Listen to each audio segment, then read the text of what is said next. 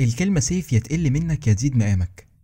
تعرف إن متوسط كلام الرجالة في اليوم هو 7000 كلمة والستات 20000 كلمة. آه والله زي ما بقولك كده. إحنا طلعنا غلابة يا جماعة والله.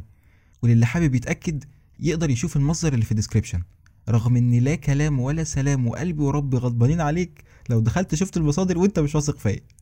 أما لو دخلت عشان تتأكد وأنت واثق فيا يبقى تمام. خش ثقف نفسك. أنا أحب إننا نبقى مثقفين كده مع بعض. هنتكلم النهارده عن الكلمة وإزاي بتفرق في حاجات كتير وإزاي استخدامك للكلمة الصح في الوقت المناسب ممكن يفيد وإزاي ممكن يضر. بس هنركز أكتر عن إزاي ممكن يضر وهنركز كمان على الشخصية الدبش. بس قبل ما نبتدي الحلقة حابب أشكر محمد إسلام الشهير بمسيلم على ال animated intro اللي عملها وأحمد رزق على ال thumbnail بتاع فيديو النهارده. وهتلاقوا لينكات بروفايلاتهم في الديسكريبشن. ومن غير ما أطول عليكم يلا بينا.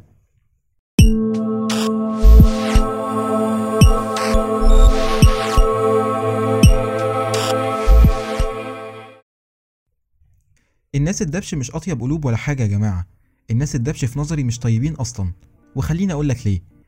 لأن اللي عنده المقدرة إنه يأذي الناس نفسيا بكلامه من غير ما يحس بتأنيب ضمير ولما حد يكلمه أو يلفت نظره لحاجة زي كده يبرر لنفسه بأصل أنا طبعي كده. يعني إيه طبعك كده؟ لأ ده مش طبع دي قلة رباية. ويتحجج بأصل أنا ما بتكلم بتلقائية وما ببقاش عارف إن إن حد هيتأذي من كلامي للدرجة دي يعني. إيه المشكلة؟ لأ هيتأذوا وهيتأذوا قوي كمان. ركز في كلامك قبل ما تقوله وزود فلاتر كلامك يعدي عليه قبل ما يطلع من بقك. مش بقولك ما تقولش رأيك لأ قول واتكلم. بس في مليون طريقة تعبر بيها عن رأيك من غير ما تأذي حد نفسيا أو تخلي حد يمسك عليك غلطة. سواء بقى في أرض الواقع أو على ال social media مع العلم إن ال social media أوحش وأنقح لأنها ساوت بين الناس خلت إنسان بيكلم إنسان وشالت فرق السن وفرق الخبرة. أو زي ما تقول كده ساوت الرؤوس. أنت ما تعرفش اللي بيشتم ده إيه دماغه وإيه سنه. وممكن يكون بيشتم حد أكبر منه ولمجرد الشتيمة مش أكتر. وخلينا نعمل اتفاق سوا كده إن الدين أو الوزن أو الشكل أو البشرة أو الجسم ملكش رأي فيهم. محدش طلب رأيك أو تعليقك. إلا بقى لو أنت عندك رصيد كافي عند الشخص يخليك تعلق على حاجة زي كده وهتتفهم صح. غير كده بقى فبلاش تتكلم وتقول كلام ملوش لازمة زي تخنت قوي عن آخر مرة شفتك.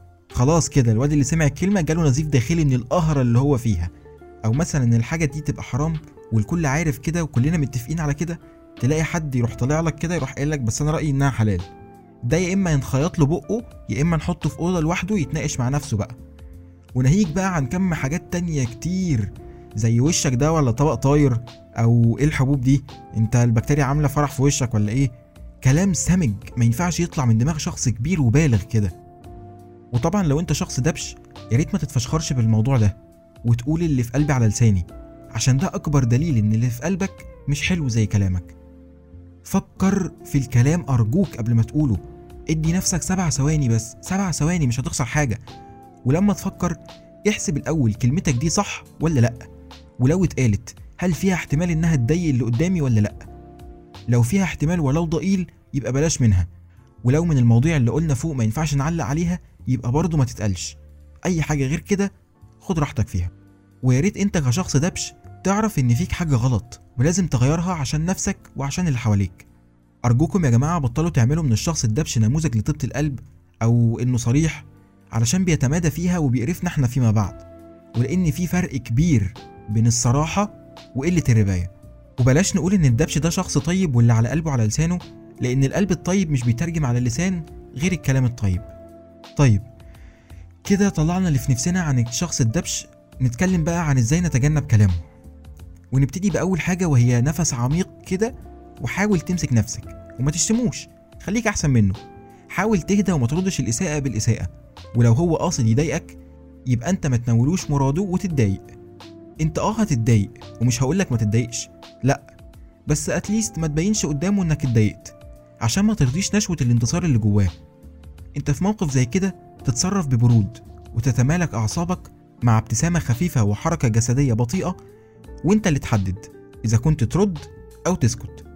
وأنت اللي تبقى عارف تقيم إذا كان ردك أو سكوتك هيشفي غليلك ولا لأ. وحاول تخلي ردك رد ذكي ومش هيضر برضه لو تجاهلته. التجاهل حل مناسب في أوقات معينة وفي حل حلو برضه وهو المواجهة. إنك تواجه اللي قدامك على طول وتعرفه إنك اتضايقت وتهاجمه زي ما هو هاجمك.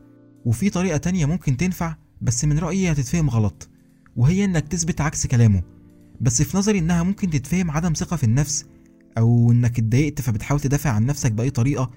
بس أنت أدرى ممكن يكون الموقف يستدعي تصرف زي ده وفي مواقف لأ. وآخر حاجة ودي ما أظنش ناس كتير بتعملها إنك ترد بالخير على الإساءة. ودي الناس اللي دماغها عالية بس هي اللي هتفهم دماغك وهتفهم سبب تصرفك ده. أما الناس اللي عقلها صغير ودماغها على قدها هتفهم إنه ضعف أو قلة حيلة. زي ما بتفهم برضو إن الاعتذار للغير بيبقى ضعف. الناس دي عايزة إعادة تأهيل لدماغها والله. خلي بالك من كلمتك عشان الكلمة ممكن تأذي زيها زي الأذى الجسدي بالظبط أو أكتر كمان. وفكر في الكلام قبل ما تقوله. ولو جالك حد مبسوط بأي إنجاز عمله في نظرك أنت قليل مش هيجرالك حاجة لو قلت له كلمات تشجعه وتفرحه حتى لو مش مقتنع. وعلى العموم أنا بعتذر لأي شخص تعامل معايا تعامل شخصي وضايقته بكلمة أو ما قدمتلوش الدعم المناسب لحاجة حكاها لي. كن طليق الوجه بشوشا كما كان سيد الخلق أجمعين. رسول الله صلى الله عليه وسلم. كان سهلا سمحا لينا يواجه الناس بابتسامة عريضة ويبادرها بسلام. ولنا فيه أسوة حسنة منه نتعلم أدب التخاطب وعفة اللسان. قل خيرا أو التزم الصمت. ذاك أرحم بك وبغيرك. كن ذا أثر طيب يحيي النفس وهي تشارف على الموت. كن اليد التي تمتد له حين يستلقي على ظهره معلنا عن استسلامه. لا تكن أنت وذائقة الظروف عونا عليه. شكرا جدا إنك وصلت لهنا. أتمنى أكون عبرت عن اللي جواك ولو بالقليل. ما تنساش تعمل subscribe و like و share وتكتب لي رأيك في ال comments أشوفكم في الحلقة الجاية. كان معاكم كريم آدم من قناة البشوات سلام!